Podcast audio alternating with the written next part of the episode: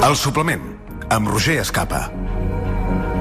Passen 5 minuts de 3 quarts d'una del migdia. Som al suplement, som a Catalunya Ràdio, recta final del programa, però no volíem passar per alt una de les imatges del cap de setmana. Us ho explicàvem aquest matí a l'informatiu. Entitats animalistes han difós un vídeo molt dur a les xarxes on es veu com gossos, conills, monos, porcs són torturats per una empresa de Madrid que es dedica a experimentar amb animals. No us posarem cap fragment d'aquest vídeo perquè realment eh, les imatges són esgarrifoses, però us explicarem que els treballadors d'aquesta empresa, Vivotècnia, insulten, vexen, maltracten i maten animals amb moltíssima crueltat. El vídeo ha despertat molta indignació i s'ha posat en marxa una campanya per alliberar aquests animals i tancar el laboratori de Vivotècnia. A aquesta hora eh, en podem parlar amb l'advocada i la coordinadora d'Ànima Naturalis a Catalunya, és la Cristina Ibáñez. Cristina, què tal? Bon dia. Hola, bon dia, què I, tal? I gràcies per atendre la trucada del suplement. Han presentat una Gràcies. denúncia contra, contra aquesta empresa, oi? Sí, exactament. La veritat és que, mira, la vida dels animals als laboratoris normalment no val res, però és que el cas de Vivotècnia ens ha fet enfadar moltíssim i ens ha omplert els ulls de llàgrimes. Clarament, s'està duent a terme una pràctica sistemàtica de maltractament, tortura i mort. Per això, eh, ahir mateix vam interposar una denúncia davant del Saprona per la crueltat gratuïta i deliberada vers els animals. Hem escoltat rialles, hem vist insults, conills morint, micos cridant...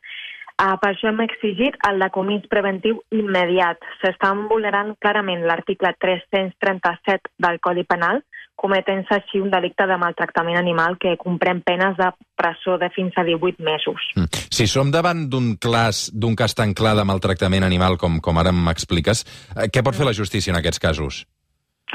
Home, com deia, bueno, eh, és intolerable que els animals estiguin encara a les instal·lacions.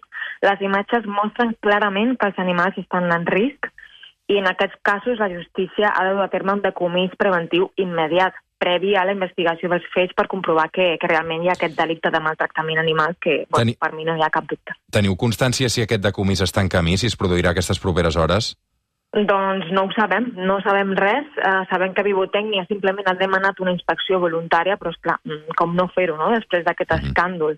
Uh, és la Comunitat de Madrid la que hauria d'actuar, hauria d'haver actuat ja realment. A què es dedica exactament aquesta empresa, Biotècnia? I, I no sé si està dedicada a experimentar amb animals, perquè, clar, és que realment eh, el vídeo eh, i, i l'actitud d'alguns dels treballadors no fa posar els pèls de punta. Mm. Sí, sabem que Vivotècnia realitza estudis de seguretat i prova la toxicitat per productes uh, de cosmètica, química i agroquímica. És una empresa privada que treballa per contractes. Uh -huh. uh, les últimes hores, Biotècnia ha més un comunicat on condemna els fets, diu que depurarà responsabilitats. Qui controla aquests tipus d'empreses? Perquè, clar, no sé si hi ha certa impunitat a l'hora de treballar aquí.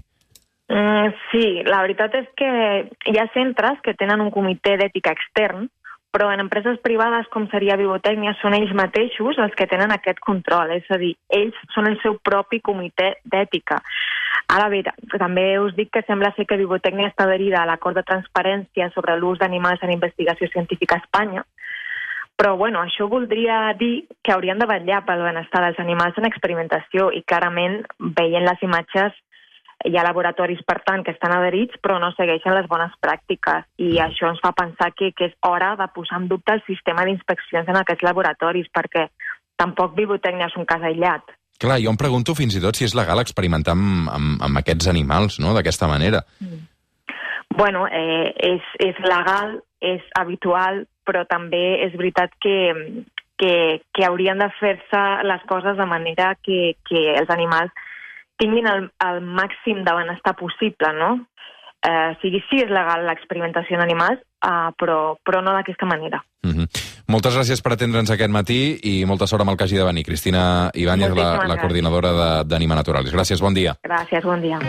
La campanya contra les tortures d'animals de biotècnia ha fet també que es mobilitzin molts eh, santuaris animalistes d'arreu de, de l'Estat per acollir aquests animals que ara mateix hi ha dins de, de l'empresa. A l'exterior de la seu de biotècnia hi ha el fundador de la Fundació del Santuari Gaia de Camprodon, l'Ismael López. Què tal? Bon dia, Ismael.